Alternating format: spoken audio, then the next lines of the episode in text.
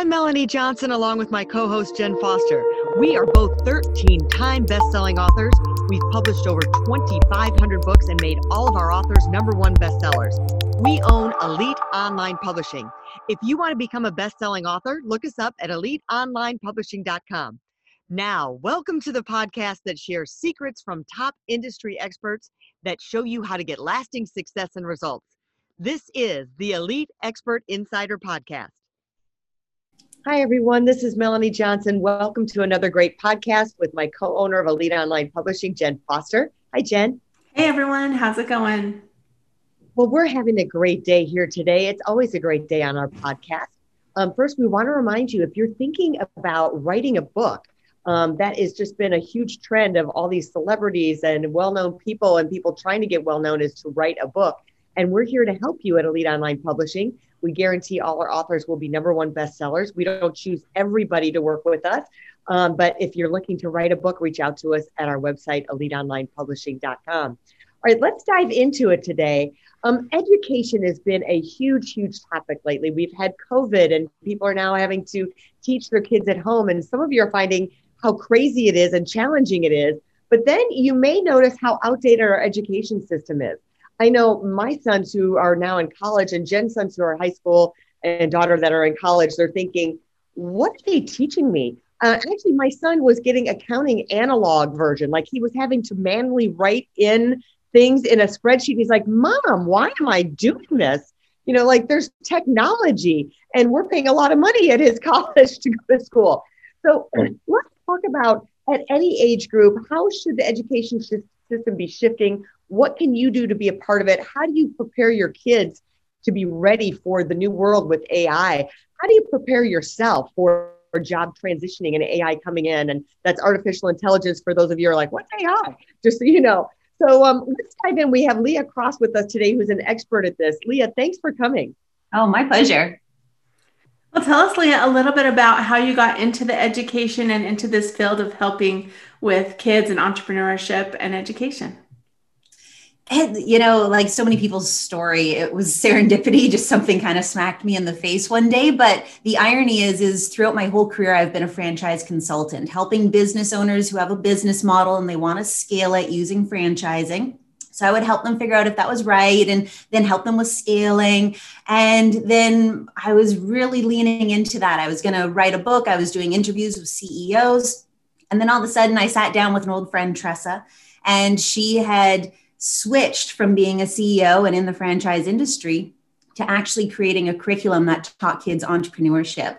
And it was that day that even then I was like, oh, this is really great for other people to do. This is so cool what you've created. And it wasn't until I brought it home and I started talking about it. And then all of a sudden, you know, when I whenever I tell anybody what it is we do, about how we teach kids practical education, hands on experience, relevance in the real world today. They go, I wish we had this when I was a kid. Number one thing that people say.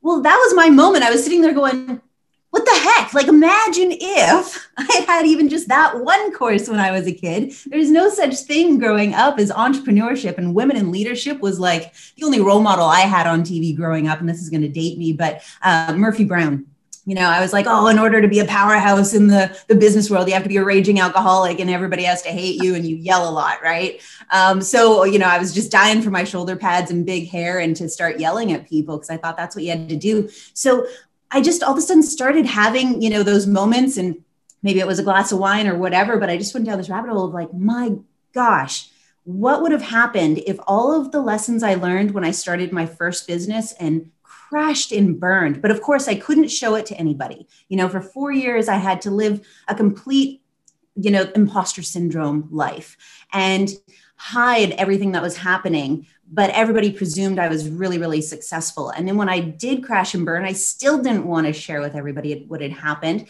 And it took so long because of my ego to even figure out what went wrong.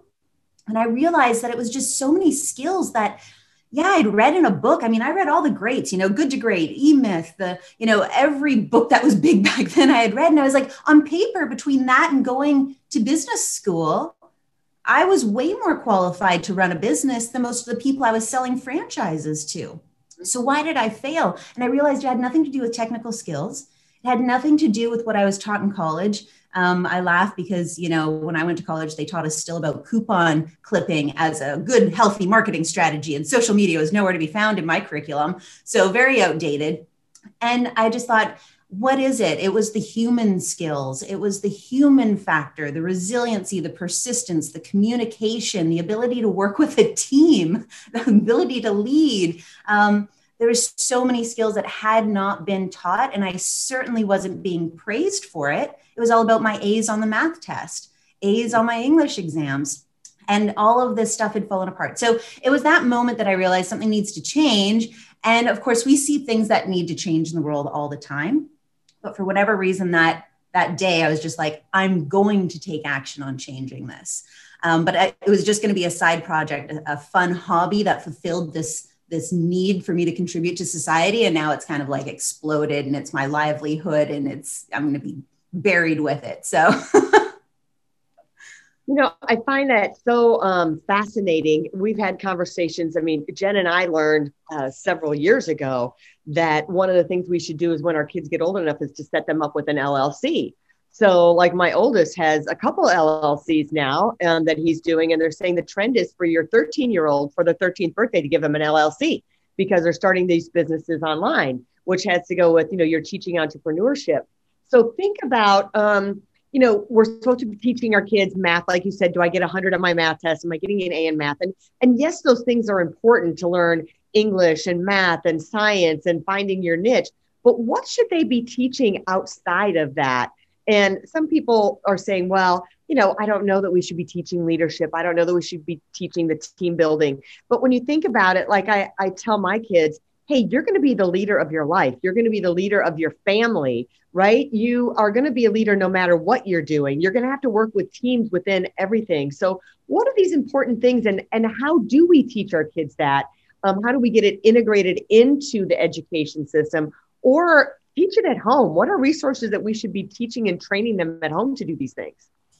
Oh yeah. Okay, there's a lot to unpack in, in that that question. So if I take just one step back from the what, um, and we start with instead the why, my personal mission outside of the organizations is to change the way that we as society value humans.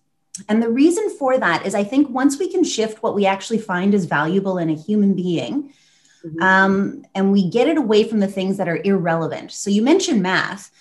Understanding math and where to use it and how to use it is important, but I don't need my kid to know their times tables. I really don't because the joke when I was growing up was you better learn them because you're not going to carry a calculator with you everywhere you go. Well, guess what I do? It's called my iPhone, um, right? But the other thing is when it comes to doing any kind of career intensive job, ask an accountant. I don't know any other job that uses numbers more than that or even like it, rocket science.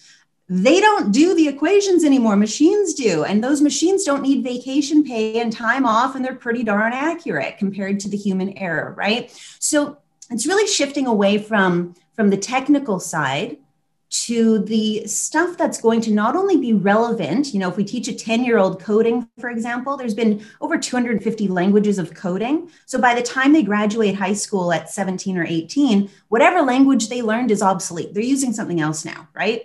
So we got to get away from teaching the tech um, and we need to look at what's actually going to serve them for the next 30, 40, 50 years of their human lives, not just careers. Ultimately, if as a society we can stop judging people on their A's on, on math. The other mm-hmm. thing is let's get rid of the darn multiple choice test. Like there aside from math, even science, definitely history and certainly English, there's no right answer to anything. Ask a business owner if there's a right answer to how to run their business. There mm-hmm. isn't. There's some better answers. There's bad answers, but there's no right answer. And so we can get away from saying, oh, you got the test wrong, and instead talk about the child as the human skills that's going to serve them longer. The other thing is how many artists don't actually pick up a paintbrush till they're 40 because it was never valued as a trait being creative. How many people are so good at connecting with people and making people feel wanted and needed and heard, and they would make incredible leaders, but they're really crummy at math. Maybe they're dyslexic. And so they're just told they're no good growing up. and they're not leaning into those things. If, as a society, we can start valuing the human factor, the human skills, instead of these things that just really don't matter once you graduate high school. Now, me as an individual, I'm not only able to lean into the things that make me happy and fulfilled, but now we've got happy, fulfilled humans doing what they love, and it will serve society having those types of people in the world. Um, so that's you know taking a step back and changing how society actually views all of us in terms of the education system can you change it maybe we're not going to try though so you know i always say the protesters out there thank you for all that you do but our point of view is when you look at a system that's been around as long as the education system has even if they wanted to change by the time they do and it goes through all the levels of approval it's already outdated again. It's unfortunately just the vicious cycle of, of how fast we're evolving. So instead, we're looking to build a new system. And what I love is there's already so many new systems out there. We're looking to simply be a supplementary education vehicle that a parent can opt into utilizing whether they're in the public school system, private school system, homeschool, unschool, Montessori, Earth school, there's like self directed learning. There's so many different education models that a parent can do. So we're looking to empower the parent. We're looking to work with the education system, but by no means are we waiting on them. Our model for development of education, curriculum, innovation, software, whatever it is that we're building, um, has no bearing on the public education system. We just can't wait for that. I love that you say that because it, it just puts everything into the parent's hands or even into the child's hands by saying, okay, well, let me learn these skills and get a supplemental way to learn instead of saying, oh, well, let's just, you know, see if we can push it through the education system, which we know will take 5, mm. 10, 20 years, right? to make it really happen. And like you said, then it's outdated.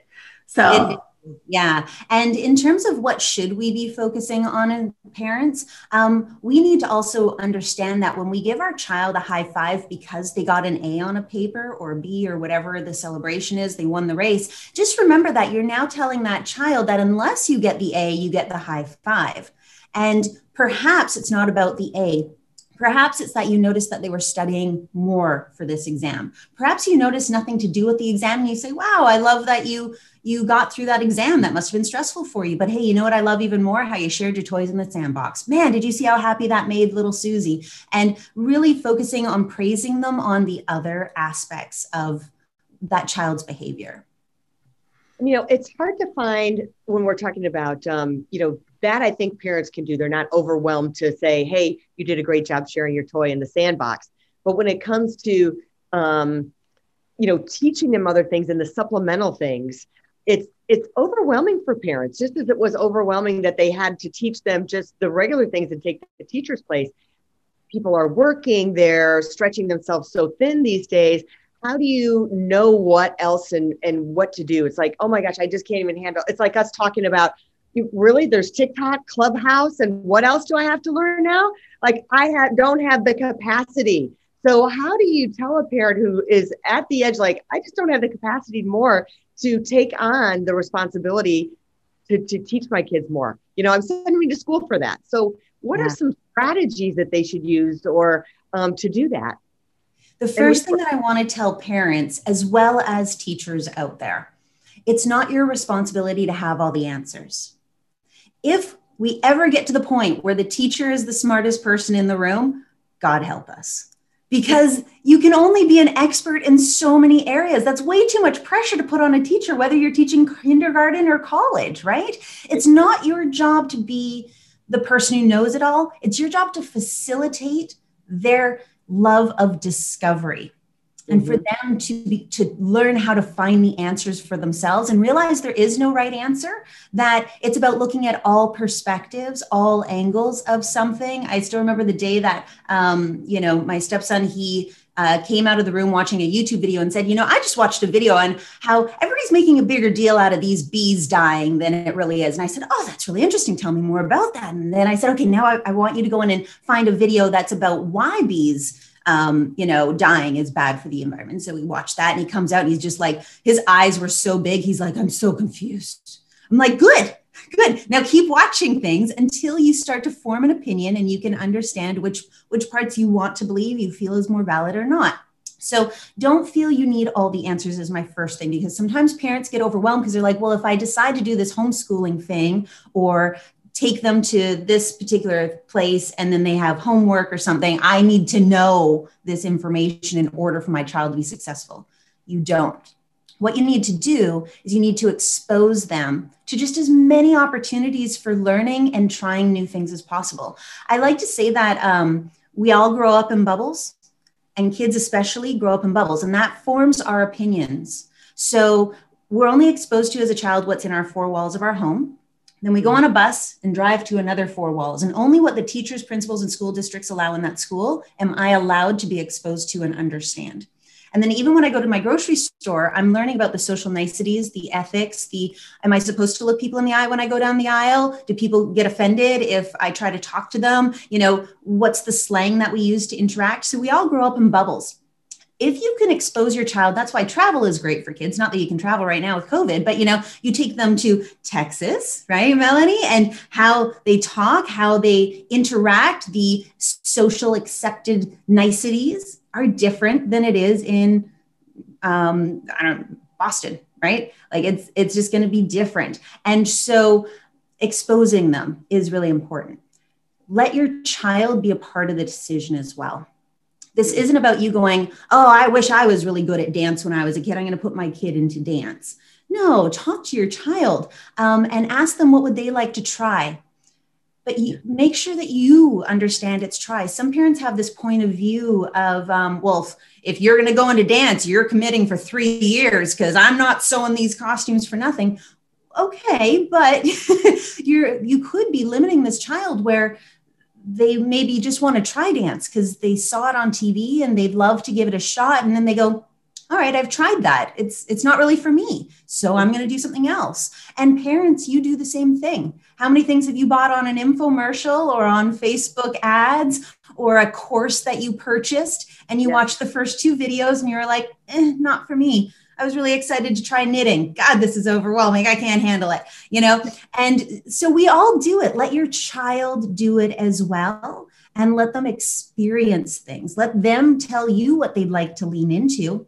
And if you think that your child saying that they want to go walk in the park and collect bugs is a waste of time, well, you know, they there's a lot of things they do in school that they're learning that is not going to be actually used you're not going to need to know about early man necessarily when you go to work in whatever job or business you start when you get older, but it's an interesting experience to learn that. So let them don't don't worry everything has to be relevant to them when they're older. Don't worry that you have to know what the answer is. Let your child be a part of that process. Let them stretch, let them experiment, and it's okay if they don't stick with things. You're not breeding a habit of them not following through. I love all the things you're saying. It really is kind of taking that step back and saying, okay, I don't need to control everything about my child. Let them lean into the things that they love. And and I love how you're talking about the stuff about the grades and how things don't matter and to teach your children that it's okay to fail. It's okay to try things. It's okay to not um, you know, spend you know five years at something that you hate right like don't do that don't make your children do that right because we all probably have situations in our lives where our parents made us do something or said you should keep doing that. You know my grandma always used to tell the story i had to play the violin because my sister played the piano but i really wanted to play the piano and my brother played this and my mom said i had to play the violin but i didn't really like it. You know so you always hear those stories and it's like no it doesn't have to be that way. You know you can have two people play the piano it's okay you know yeah. Oh for sure. Yeah parents um can just put so much pressure on themselves but also their kid. I mean if we what would you rather as a parent? Your child commit to four years getting you know going through their accounting you know cpa or whatever it is that they're getting there and then at the end of it go man i hate my life but you know, you, you, committed. Good job. You committed and you spent that, you know, however many tens of thousands of dollars. Good job. But now you hate your life. I would rather my child go through the first year of it and go, this is not what I thought it was going to be. Great. Let's save that money and put it into something. Let them figure out what they want because I, you know, how many of us went to school and are still in the same industry as what we went to school for and are happy? Yeah, that's so true. I mean, I know so many people that went to school for one thing, and they, I, I have a nephew who, well, a cousin actually. He uh, went to school. He's still, he's in his, he's 30. He was a nuclear physicist, something, something very scientific. Got his doctorate degree, got out, and decided I don't really like this. And now they're telling him he wants to go into more computer programming. They're telling him he has to go back to school because they won't uh, give him a raise or take him to the next position unless he gets his other degree. And I'm thinking, oh my gosh, that's just awful. And then I have the example of my son who he's going to be a senior in school. He's making money with his companies. You know, we're not sure that there'll be like a career, the things that he's doing, but he's making more money than most people make when they get out of college right now. And he's like, Mom, why should I have to finish? Why should I spend year of my life? More importantly, what he's learning as skills in the business will serve him regardless of whatever he goes into. So even if he goes, oh, you know what, I'm I'm painting houses and I'm making lots of money, but this isn't what I want to do for the rest of my life. That's okay. Because if you even have someone else who's painting with you, you're learning about leadership and teamwork. You're learning about having to watch your costs and margins and respecting your time. You're learning about marketing, communication with the customer, and how you have a good experience and a customer excited for the job that you did versus ones that aren't. Quality control, attention to detail. Um, there's so much that's going to serve him for years, like tens of years. Yeah, doing the business. I don't know if one more year of school is going to serve him or not, but that's the um, that's the big question that I think a lot of kids have. Why should I go to college? I mm-hmm. can be an entrepreneur and I'm yeah. starting an online business and it's making money. It's a big question today. Well, I love Leah all the the list you just kind of told of what I think you referred to them earlier as soft skills. It's kind of like those human skills, but there, there's business skills and there's entrepreneurship skills and then there's you know math and english and history that we learn in in regular trade school. But you know what are what are some of those other soft skills that you can kind of list out? And where can people learn those things Yeah, you know, it's so interesting because we just finished doing a research project with uh, University of Lethbridge where they had 125 students really investigating soft skills. The thing is, is soft skills. So soft skills and hard skills for those listening who aren't familiar with those terms, soft skills is a terrible term, and it's basically accounting for the things that we can't measure. You know, communication, resiliency, leadership, collaboration, persuasion. Um, there's you know what? There is a debatable amount of how many, but I can tell you there's probably at least over 120 of them. And they're all human skills. What I'm trying to shift right now in the commentary is just skills that are human skills, things that we can do really well that are going to not only matter, they will also make us feel more in touch with ourselves, therefore, more happier, more fulfilled, um, more in tune, uh, self awareness of ourselves it's also going to ensure that we're never having to compete with AI for jobs, right? I don't need my child to be a, a, living calculator because AI will be able to work longer hours faster and not need vacation. So, why would I want to make sure my child gets A's in math? Who cares, right? Um, so, when you talk about these human skills, it's really all the things that we just take for granted. And, and oddly enough, if you had to describe your best friend, your best boss, or your best employee, Mm-hmm. The reasons why you really like them and why they're the best is because of all of these human skills. You probably describe them as they just really make me feel like they're listening to me. I feel heard with them. They make me feel safe. Um, they, I love how they come up with unique ideas. Man, nothing holds that person back. If I give that employee a task and they hit roadblock after roadblock, they just keep going.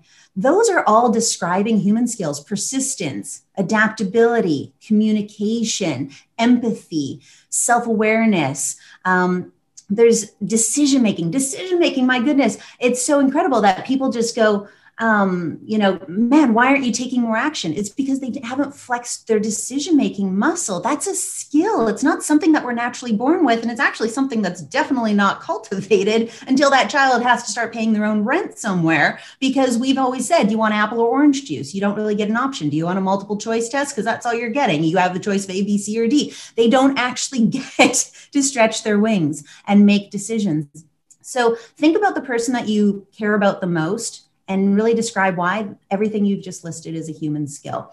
And what you need to do is now write down your list of what are the things that you really cherish about yourself. Why do you think that you're successful in in any role that you've been in? Those moments that you felt like you'd really achieved something. Why was that? Mm-hmm. And you know, we've all won a race, but there might be some that stand out, and it's because we go, man, because I know I really tried hard at that one. I I really gave it my all. I woke up extra early every morning. I whatever it is. Those are all the human skills, and they all have a name. Well, thank you. This has been such a great interview, right, Jen? Yes, awesome. Tell us where we can find you and where we can find more information and how we can get the supplemental materials. For sure. So we have two organizations. One of them is a registered charity. It's called Build a Biz Kids. Um, we do a lot of innovation there. So buildabizkids.com not only offers programs, we have summer camps that are available for 2021. Um, and we usually have something always going on event wise that can either support parents or kids. So buildabizkids.com, our social media handles are at buildabizkids.com. We also have the BBK network and the next cohort is registering for September right now. And essentially that is a program where you place your child in and just like when people say, oh, what's your child? And you say, oh, they're in soccer or karate. It insinuates they're in something and they keep going. It's the same thing with us. They go in, they keep going, and they learn about business, social impact, advocacy, economics, and everything is a hands on project where kids from all over North America are in one classroom. So that's bbknetwork.com. Same with the social handles. If you'd like to contact me, I am on LinkedIn. I'm the only Leah Koss on there. Uh, so please feel welcome to reach out. I'd love to connect with everybody. Thanks so much, Leah, for being here today. I think everybody learned a lot about education and all the different options in there. If you're looking to write a book, make sure you reach out to us at Elite Online Publishing. We help you write the book with a VIP day if you need that, where we create the majority of your book in one day. Um, and then we um, also help you publish the book and market the book. We don't help you, we actually do it for you. We do all the heavy lifting and we make your book a number one bestseller and show you how to use your book for yourself and your business. We'll see you next time right here. Have a great day. Bye. Hey, are you looking to increase your revenue, build credibility, and elevate your brand? This podcast is brought to you by Elite Online Publishing, an innovative publishing and full spectrum marketing company. They will publish and market your book to make it a number one bestseller. Becoming an author is the best way to market your business. So contact them at eliteonlinepublishing.com today. All of their authors become number one bestsellers.